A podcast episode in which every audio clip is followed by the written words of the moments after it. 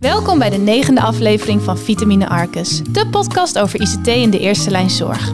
Vandaag is Inge Jansen aangeschoven. Inge is praktijkmanager en daarnaast projectleider informatiemanagement bij zorggroep DOH. Vanuit die rol begeleidt ze onder meer praktijken bij de implementatie van Microsoft 365. Uiteraard zit ook co-host Habib Ouban Abdella aan tafel, ICT-adviseur eerste lijn zorg vanuit Arcus IT. We gaan het vandaag hebben over automatisering in de huisartsenpraktijk. Wat ziet Inge veelal gebeuren in de praktijken waar ze komt? Waar is ze mee bezig als het gaat om automatisering in haar eigen praktijk? Hoe combineert ze dat eigenlijk met haar rol bij de zorggroep? Hoe pakt zij een Microsoft 365 implementatie aan? En welke resultaten ziet ze hiervan in de praktijk? Genoeg te bespreken. Let's go!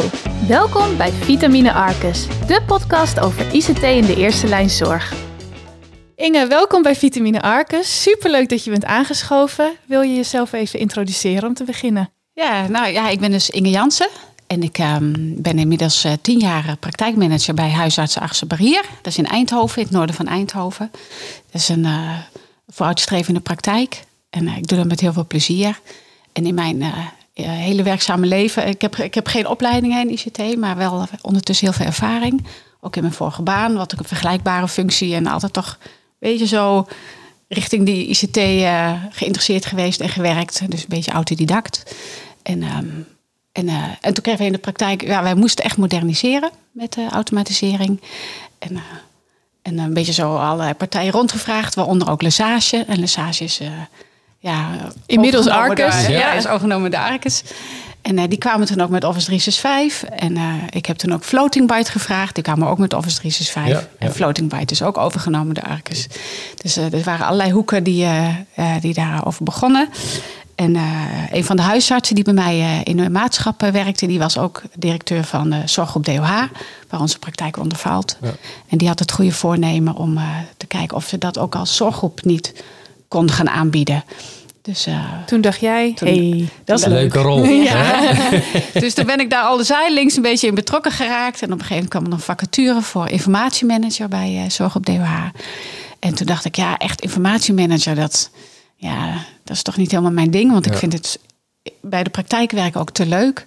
Maar dan ben ik een stukje gaan oppakken van ja. die functie. Ja. En uh, ja, die is, die is op dit moment nog voornamelijk gericht op Office 365. Want wat houdt dat in? Wat doe je dan precies? Bij de, bij, bij in de, de praktijk of bij de zorggroep? Um, nou, bij de zorggroep gaat het heel erg dus over de uh, implementatie van Office 365. Ook bij de andere praktijken. Ik heb natuurlijk een proef draaien bij ons in de praktijk. En... Uh, uh, ik weet uh, wat je daar dan tegenkomt. En eigenlijk is het in de beginfase een beetje te snel gegaan. Ook bij andere praktijken dat te implementeren. was eigenlijk nog niet voldoende uitgedacht. Van goh, hoe moet er dan eigenlijk die kantoorautomatiseringsoplossing voor alle praktijken eruit zien? Dus het had nogal wat uh, ja, voeten in de aarde in het begin. Eigenlijk denk ik een beetje te lichtvaardig ingeschat. Te snel ja. willen beginnen. En ehm, dus dat zag ik wel vanuit de praktijk wel gebeuren. Maar ja, ik had er toen geen tijd voor. En uh, toen ik dan anderhalf jaar geleden begon bij uh, de zorggroep, ja, ben ik met Habib en uh, hè, met anderen ben ik heel veel in gesprek geweest ja. om, een, om een blauwdruk te maken. Voor, hè, voor, de, voor de praktijken van DOH in ieder geval. Van, wat nou, is eigenlijk een mooie basis om die kantoorautomatisering in te richten voor huisartsenpraktijken. Ja. Klinkt goed. En eh, want even, de, jullie hebben natuurlijk verschillende uh, praktijken die zijn aangesloten. Die zullen op een andere manier tot, tot dan toe bezig zijn geweest. Kun je iets vertellen over de gemiddelde situatie waarin je terecht bent gekomen? Klinkt misschien wat heftig. Mm. Uh, maar de situaties die je tegen bent gekomen bij de afzonderlijke praktijken. Wat is, was een beetje het niveau qua automatisering waar zij stonden? Ja, dat is toch eigenlijk wel, wel, toch wel best vergelijkbaar met hoe het bij ons dan voor 2017 was. Kijk, de huisartsenzorg was eigenlijk, tenminste dat heb ik mij eens laten vertellen, uh, uh, toen met de komst van het huisartsinformatiesysteem eigenlijk een beetje voorloper op het gebied van automatisering. Hè, met, uh, ja. en, en, en, en, dat, en dat viel mij ook op toen ik in de praktijk kan werken. Hè, dat, dat er is. Dat dat eigenlijk heel goed georganiseerd was met een veilige verbinding en met goed inloggen. En dat, dat zit eigenlijk heel goed in elkaar. Maar die kantoorautomatisering, dat was nou ja, bij ons in de praktijk ook best lastig. Ja, ik kwam daar op die eerste dag en ik, uh, niemand wist waar mijn bestanden stonden. Nou ja, dus ik had helemaal niks. maar dat, is dat ook herkenbaar dan eh, over de andere praktijken Ja, dus dat die bestanden die staan er gewoon een beetje op verschillende computers opgeslagen. Dat zie ik meer. En nou, wij hadden wel een, een, open, een open source server met ieder een eigen mailadres. Maar er zijn toch heel veel praktijken ook waar de huisartsen gewoon werken met een hotmail of een Gmail-adres. Ja. Er zijn ook al praktijken die werken met e-zorgadressen. Maar ook niet dat iedere medewerker dan een eigen mailadres heeft. Dus dat zie je heel erg. En je ziet dus ook heel erg niet de centrale bestandsopslag. Of als ze het wel hebben, dat dan de backup nog uh, ook lokaal is. Dus dat je dan nog zo'n uh, slee, uh, tenminste dat hadden wij dan nog, dat je die ook dan oh ja. mee naar huis moest nemen. Ja. Ja, ja, dus ja, ja. En, en aan jou de mooie taak om daar veranderingen in te brengen. Deels. ja, ja, dus praktijken zijn natuurlijk ook wel, hè, die zien het zelf ook wel. En het is voor de praktijk ook wel heel erg de vraag van... Goh, willen we dat via de zorggroep? Want dat is nieuw, hè? De, de, in ieder geval zorg op DOH. Dat is ooit opgericht voor de inkoop van de ketenzorg. Hè, of voor het regelen, organiseren van ketenzorg. De zorgprogramma's. Meer echt zorginhoudelijke meer samenwerking. Zorginhoudelijk. En het is eigenlijk ja, sinds ja, 2000, 2017, 16 of zo... dat ze ook zijn meer gaan inzetten op de bedrijfsvoering... Ja. Dus er is een keuze gemaakt voor één is voor alle praktijken. En uh, ja, dit is nou een vervolgstap eigenlijk. En zie je dit soort ontwikkelingen vanuit de zorggroep ook bij andere zorggroepen in de regio waar je wel eens mee in contact bent? Dat ze eigenlijk een beetje uh, uh, ja, het, dezelfde pad bewandelen als, als zorggroep DOH in dit geval?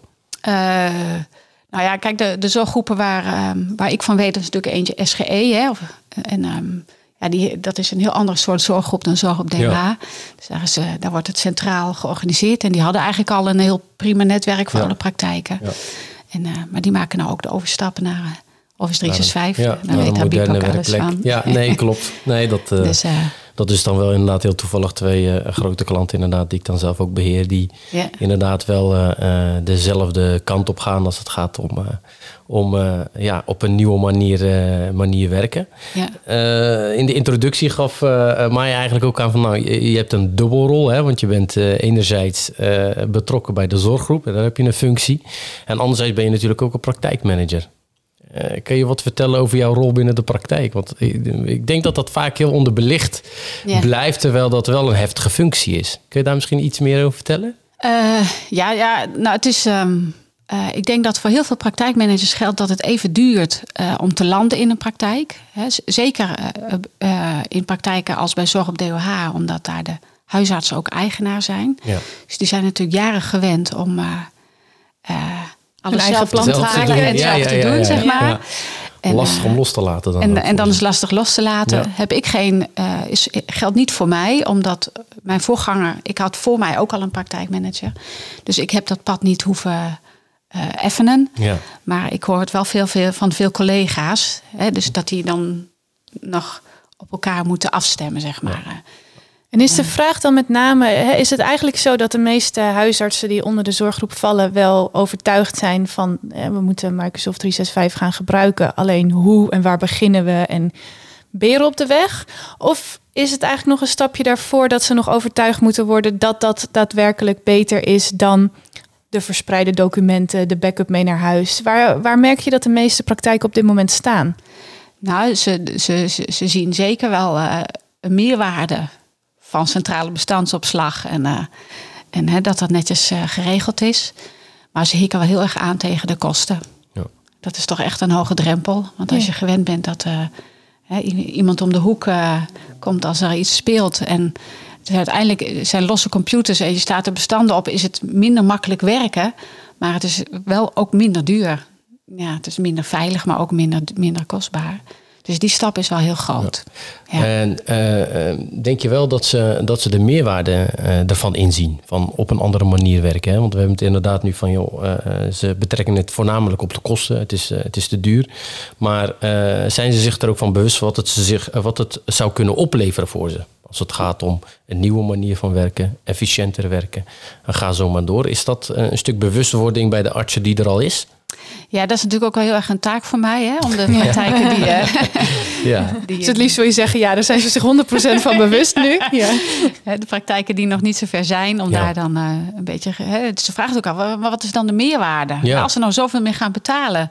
Hè, ik bedoel, wat, uh, wat is dan de winst? En wat zeg je dan? Ja, dat is... ja, dat is, dat is best lastig, want, want er zijn natuurlijk ook praktijken die het eigenlijk best goed voor elkaar hebben die hebben gewoon netjes centrale bestandsopslag. Die hebben gewoon netjes de mail. Die kunnen ook thuiswerken. En voor die is eigenlijk de stap groter nog dan voor de praktijken die eigenlijk, ja, net als wij, van, van veel verder weg komen. Ja. En, uh, en, en, dan is het heel moeilijk om het uit te leggen. Want dan moet je het eigenlijk ook vooral ervaren. Ja. En uh, ik zeg altijd, uh, ja, Office 365 of zeker dat Teams, hè, dan, dat is gewoon een heel andere manier van communiceren. Een heel andere manier van, van samenwerken. En ehm, en dat is stukjes heel moeilijk uit te leggen. Nu doe jij dat al enige tijd natuurlijk, hè, Inge. Hè? Je bent meer het gezicht van Microsoft 365 in de praktijk, als we het even vanuit de DOH-zorggroep eh, bekijken. Um, neem je ze daar dan ook op die manier eh, in mee? Want als jij dan inderdaad een praktijk enthousiast moet krijgen, laat je ze dan ook zien van nou, wij doen het op deze manier en dit is de blauwdruk om op een hele efficiënte manier te werken, bijvoorbeeld met teams. Neem je ze daarin mee?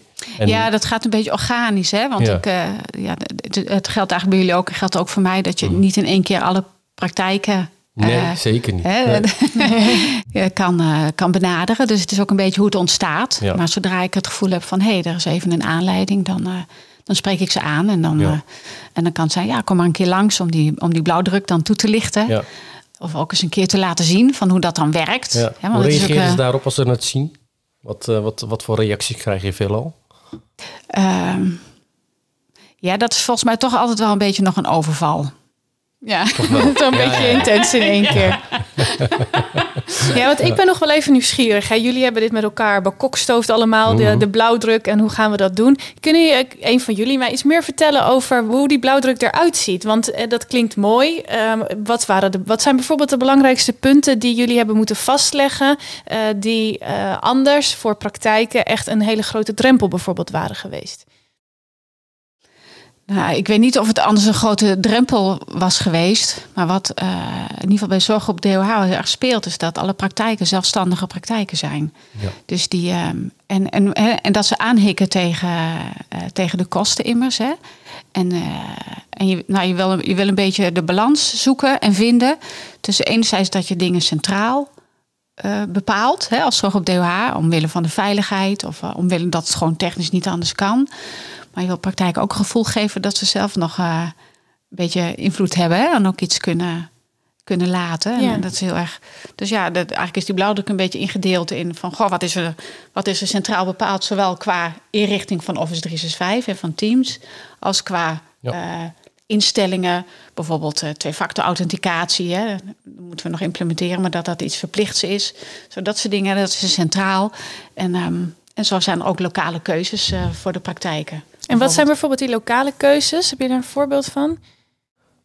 Um, ja, dat ze wel wat optionele zaken kunnen, uh, zouden kunnen, kunnen afnemen. Uh, maar de mappenstructuur, de mappenstructuur, de, de basis, beveiligingsinstellingen, dat soort zaken, dat is allemaal eigenlijk bepaald. Ja.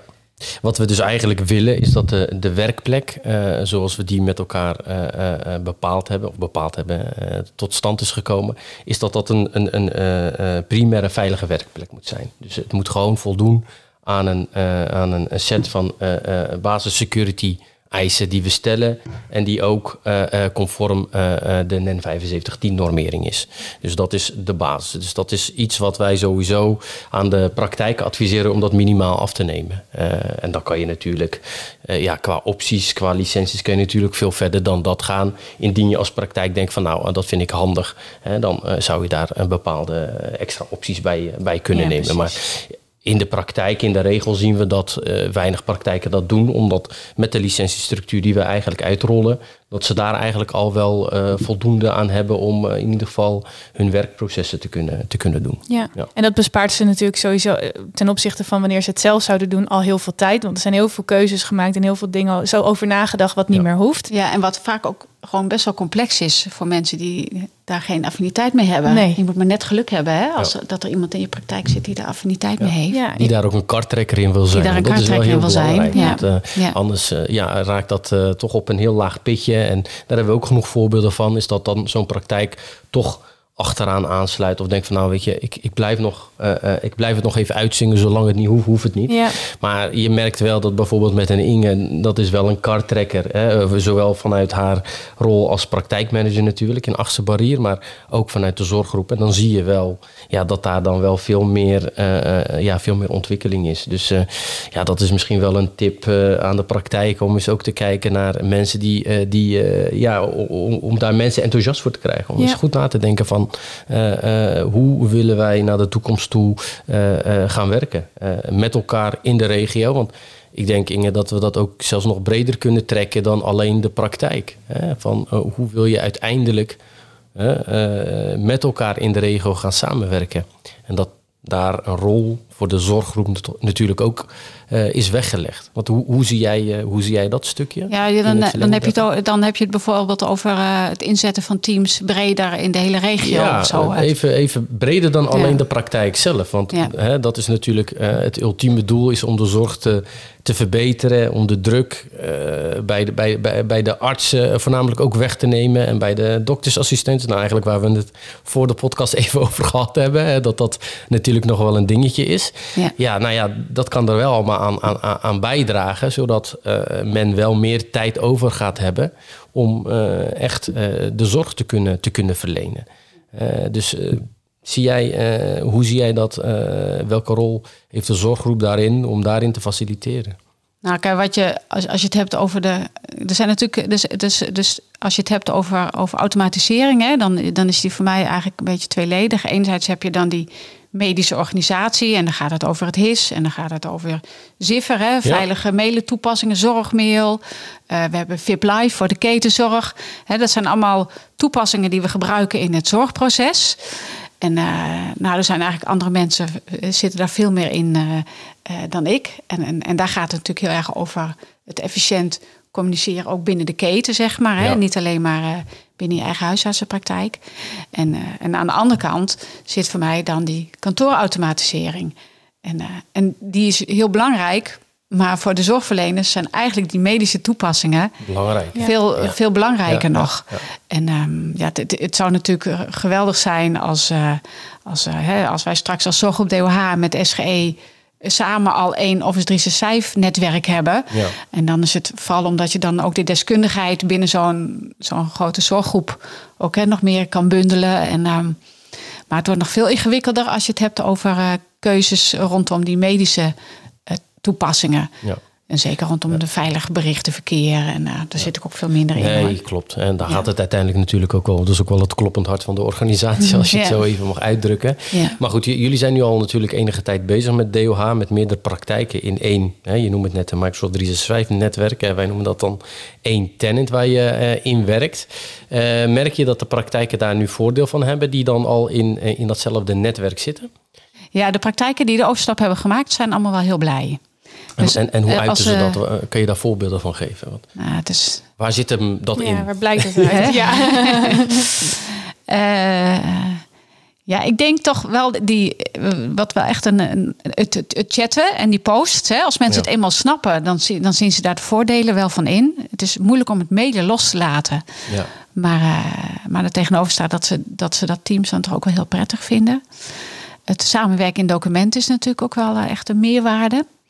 Um, uh, en als ik, hè, als ik eens een keer een scholing geef, want ik ja, ben ondertussen al heel wat praktijken langs geweest om een keer een scholing te geven. En dan laat ik ook wel wat meer dingen zien nog. Mm-hmm. Bijvoorbeeld het gebruik van forms. En dat ja. je dan je eigen ja. kwaliteitsonderzoek kan uitzetten. Nou, dan worden ze helemaal, uh, helemaal, helemaal, helemaal happy van. En uh, of het, we doen ook veilige incidenten melden. Nou, je kan ook een VIM-formulier uh, dan bouwen in zo'n forms. Dus er zitten natuurlijk veel meer apps in Office 365. Ja, en dan alleen de dingen die wij nu. Uh, dan standaard Word, Excel en mail en bestandsopslag, zeg maar. En, en dat is dan. ja. dat is natuurlijk enerzijds het voordeel. Hè. Er kan heel veel. En waarschijnlijk als je alles gebruikt op den duur, dan ervaar je steeds meer van die voordelen. Alleen waar begin je uiteindelijk? En dat ben ik wel even benieuwd naar. Jij komt bij zo'n praktijk en dan zeg je, nou, we gaan aan de slag. Waar begin je uiteindelijk? Want ook de huisartsen die misschien niet aangesloten zijn bij zorggroepen, die dit misschien wel willen gaan doen. Het is natuurlijk altijd de vraag: ja, we hebben Teams, we hebben SharePoint, we hebben bestanden, we moeten chatten, die bestanden moeten over. moet Waar beginnen jullie? Ja, nou ja, de, ik bij, die, bij zo'n startscholing begin ik eigenlijk, uh, zeker een praktijk die net begint, ja, begin ik met de OneDrive en SharePoint en uh, Outlook en Teams. Ja. Dat zijn eigenlijk de vier uh, apps die ik en die ik de revue laat passeren. Ja, en de mail, de meeste mensen weten wel hoe dat werkt. Maar dan laat ik even een paar instellingen zien die ik kan veranderen. Die mensen misschien storend vinden, de basisinstellingen. En uh, dan leg ik heel duidelijk het verschil uit tussen wat is nou SharePoint en wat is nou OneDrive. En dat is ook niet uh, voor iedereen uh, duidelijk. En ja, als, je, als, men, als praktijken zitten in die tenant van DOH, dat ze dan ook snappen dat OneDrive, dat, dat, je, dat je dat wel in de verkenner kan zien. Maar hè, de bestanden vanuit SharePoint uh, in ieder geval niet standaard. En, uh, ja, en dan gaat u erg hoe kan je een document delen. Hè, via de mail of via Teams of via een chat. En ook heel erg uitleggen hoe, hoe, hoe Teams is ingericht binnen DOH. Ja. dus we hebben wel heel erg nagedacht over een communicatiestructuur. Hoe wij uh, hè, als hoe de zorggroep wil communiceren met de praktijken, maar ook hoe de praktijken intern met elkaar kunnen communiceren. En dat leg ik ook uit. Ja. Dus, uh, en hoe wordt erop gereageerd? Medewerkers, dat is natuurlijk altijd ook eh, sowieso overal is adoptie een groot vraagstuk of digitale vaardigheden. Wat merk jij bij de, bij de praktijken waar jij, eh, waar jij komt om je verhaal te doen? Nou, ik denk in iedere praktijk heb je een aantal mensen die zijn heel enthousiast. Dat zijn een beetje hè, dat heb je op uh, zorggroepniveau, maar ook op praktijkniveau. Heb je een aantal koplopers. Ja. En die kan het niet snel genoeg om dingen te implementeren en in gebruik te nemen. En er zijn natuurlijk mensen die het heel ingewikkeld vinden en uh, die vinden het allemaal te snel gaan. Heb je advies voor, uh, want jij bent er natuurlijk al een paar keer tegen aangelopen. Uh, heb je advies voor praktijken die hier nog tegen aangelopen? Hoe ga jij om met die mensen? Nou ja, ik zeg altijd, ik zeg vooral altijd van je moet het ook niet te snel eh, in gebruik willen hebben. Dat het ook niet hoeft. als, als mensen hun mail kunnen vinden en ze weten de bestanden te vinden, ja, dan kunnen ze in eerste instantie eigenlijk gewoon blijven werken zoals ze gewend zijn. En zo gaandeweg dan uh, krijgen ze er wel steeds meer grip op. En dat het niet eh, als een, als een, als een volledige overval voelt. Dat je in één keer hè, alles moet veranderen. Want dat is gewoon niet zo. Nee. Want je had het over een stukje angst, hè, wat, wat er natuurlijk uh, blijkbaar ook bij bepaalde medewerkers speelt. Waar is dat op gebaseerd? Wat, uh, wat is dat voornamelijk? Ja, het is, uh, het is natuurlijk heel anders denken. Ja. Het, het zit heel anders ingericht, maar het, heel veel mensen die moeten eigenlijk stap voor stap meegenomen worden. Meegenomen worden. En er zijn zoveel nieuwe stap voor staps in Office 365 dat dat natuurlijk af en toe wel aanvliegt. Hoe zou, hoe zou jij dat willen invullen? Om, om, om, om toch ook dat soort, hè? want dat is toch wel een van de grootste uh, factoren die meespelen. Hè? Angst om over te gaan. Ik spreek natuurlijk ook wel vaak wat praktijken. De ene is er inderdaad al veel meer mee, mee bezig dan de ander. wat is daar nou eigenlijk voor nodig om dat bij ze weg te nemen? Hè, wat denk jij vanuit jouw rol als praktijkmanager? Hè? Misschien dat je als praktijkmanager daar nog een rol in kan spelen die uh, misschien overgenomen zou kunnen worden door andere praktijkmanagers. Van joh, wellicht kan je daar zelf als praktijkmanager ook nog wel een rol in spelen om, om uh, daar een bepaalde sfeer ook neer te zetten dat men zich wel steeds meer bewuster gaat worden van uh, het nieuwe werken en er ook enthousiast van wordt. Ja, ja. enthousiast van wordt, ja. ja, nou, ik denk dat, ik denk dat die, die scholingen die ik geef, hè, die, die helpen natuurlijk al. Want als je bij iedere scholing een paar mensen hebt die die er heel erg in zitten. Hè? Die vallen mij natuurlijk ook bij. Ja, en dan kan je ook dit en dan kan je ook dat. En, uh, ja, ja, Zijn zij vervolgens ook degene die hun collega's in de praktijk gaan helpen? Of word jij plat gebeld met alle vragen? Nee hoor, ik word niet plat gebeld. Nee. maar wijzen jullie iemand aan in zo'n praktijk die uiteindelijk de vragen kan beantwoorden? Of loopt dat altijd wel dat een doen beetje ze, Dat doen ze eigenlijk zelf. Ja, daar kan ik, daar kan ik, ook, kan ik ook niet allemaal in, uh, in helpen. Nee, nee, kan ik me voorstellen. Nee, maar het, waar, het borgen van kennis natuurlijk. En het zorgen dat mensen die het misschien spannend vinden of niet helemaal snappen. Te voorkomen dat ze toch andere dingen weer gaan doen of er toch niet helemaal enthousiast over zijn, is het natuurlijk wel belangrijk dat er iemand is bij wie ze terecht kunnen. Ja, Nou, dus wat, we kijken wat in ieder geval bij zorg op DOH wel uh, gebeurd is en bij SGE ook. Dus, dus bij iedere praktijk heeft uh, mensen een scholing tot digicoach ja. laten volgen. Of, of hebben praktijk zich voor kunnen aanmelden of mensen. Dus ik denk bijna iedere praktijk heeft wel een digicoach. En die, ja. Uh, en die vormen ook samen een clubje hè, uh, binnen de zorggroep. En die uh, kunnen daar ook met elkaar over nadenken hoe ze, hoe ze mensen zover krijgen om die, die vaardigheid te ontwikkelen. Nou, daar hebben we een keer ook een podcast over gemaakt. Dus voor de luisteraar die denkt, DigiCoach, wat is dit? scroll even terug naar eerdere afleveringen. Dan kun je er alles over horen. Um, ik ben nog wel even heel benieuwd, hè? want jij bent eigenlijk vanaf het begin betrokken geweest bij het ontwikkelen van een blauwdruk. Je bent bezig met de implementatie bij andere praktijken. Je hebt zelf aan de achterkant als praktijkmanager ook ervaren hoe dat gaat. Jij zit er helemaal middenin, waar anderen misschien denken: oh, waar moet ik beginnen en moet dit überhaupt nog wel? Welke praktische adviezen heb je voor huisartsen, misschien zelfs zorggroepen, um, om te beginnen met uh, Microsoft 365? Waar, waar start je nou eigenlijk? Ja, nou, ik denk in ieder geval uh, dat je, ook al heb je affiniteit, zoals ik, maar dat je niet zelf alles weet, zeg maar. Hè? En, uh, dus het is wel heel belangrijk om in gesprek te gaan met een ICT-organisatie. En, en, uh, en van tevoren goed te bedenken van, goh, ja, maar wat willen we eigenlijk kunnen? Hè, wat vinden we belangrijk? En dat is best een lange weg. En, die, wij, en die zijn wij dus eigenlijk te laat begonnen. Ja. We zijn eigenlijk al gaan implementeren voordat wij goed hadden het echt goed hadden bedacht. Ik bedoel, er stond heel veel natuurlijk al wel. Ik moet het ook niet. Uh, nee, ja. Maar uh, er stond ook heel veel nog niet. Dus ik denk echt wel dat het een stuk beter gaat. Dus ik wel goed nadenken van tevoren. Dat zou ik wel willen zeggen. Geduld en zorgvuldigheid. En zijn er nog hele concrete valkuilen die je bent tegengekomen waarvan je zegt: "Oh, pas alsjeblieft ook hierop of doe dat juist wel"? Nou, ik denk um, ja, het is, het is voor praktijken. Ik denk voor, voor hun uiteindelijk. Ik bedoel, kijk, Argus die weet gewoon heel erg het technische stuk. Hè? Dus dan kunnen ze eigenlijk, als, als er een blauwdruk is, kunnen praktijk op zorg op niveau. Of, hè, dan kunnen ze eigenlijk Argus daar wel in vertrouwen dat die dat dan inrichten. Maar waar praktijken zelf heel erg over moeten nadenken. Is uh, hè, nou, nou, over die teamstructuur en wie krijgt welke rollen en wie krijgt welke rechten en wie heeft welke verantwoordelijkheden daarin. Hè? En daar zit echt huiswerk voor de praktijken. En uh, dat dat intern ook uh, duidelijk is wie wat dan doet. Ja. Ja, helder. En helpt het denk je als, eh, als praktijken ook gewoon veel meer uh, bij een andere praktijk in de keuken gaan kijken om, om te kijken van oké, jullie werken er al mee en, en hoe gaat dat? Adviseer je dat ook aan de praktijken die er nog niet mee werken? want vaak zie je natuurlijk wel dat de artsen en de praktijkmanagers allemaal wel dezelfde taal spreken. dus dat geeft in de regel ook wel iets meer vertrouwen dan wanneer een ICT-partij een praktijk uh, adviseert en natuurlijk probeert over te halen om op een nieuwe manier te werken. Ja. ja, dat is natuurlijk een heel stuk dan mijn rol. Hè? Dat ik eigenlijk zo even bedoel, voordat ik die functie had, ben ik al verschillende praktijken in mijn eigen tijd uh, langs gegaan om ze ook uh, dingen te vertellen en uit te leggen. En uh, dus, dus, dus ik geef eigenlijk eerlijk toe dat ik niet zo gauw de praktijken nog naar elkaar verwijs. dat is eigenlijk wel een goed idee. Ja, Maar niet alle zorggroepen hebben een Inge misschien. Dus dat is dan in de praktijk wel waardevol uh, om, dat, uh, om dat te gaan doen. Klopt. Nou, je, ziet, je ziet wel steeds meer de, de CMIO's uh, opkomen. Hè. Ik geloof dat dat iets is in, de, in ieder geval in de eerste lijn zorg vanaf 2020. Hè. Dat is Chief, Chief Medical Information Officer.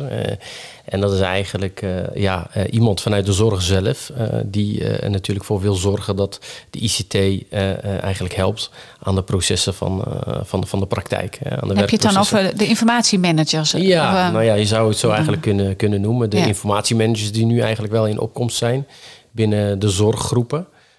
die daar natuurlijk ook een hele prominente rol in spelen om dit soort trajecten uh, voor te zetten. Nou, eigenlijk, uh, ja, eigenlijk doe je dat al, Inge. Ja. Ja, je hebt een nieuwe titel. Een klein, klein stukje ervoor. Een klein, klein stukje ervan. Uh, wellicht in combinatie met in dit geval Pieter dan. Ja. Leuk. Maar dat zie je wel steeds meer opkomen. Dat, dat men er echt wel mee bezig is. Ook in die eerste lijn. Zorg dat wil ik dan nog wel even meegeven.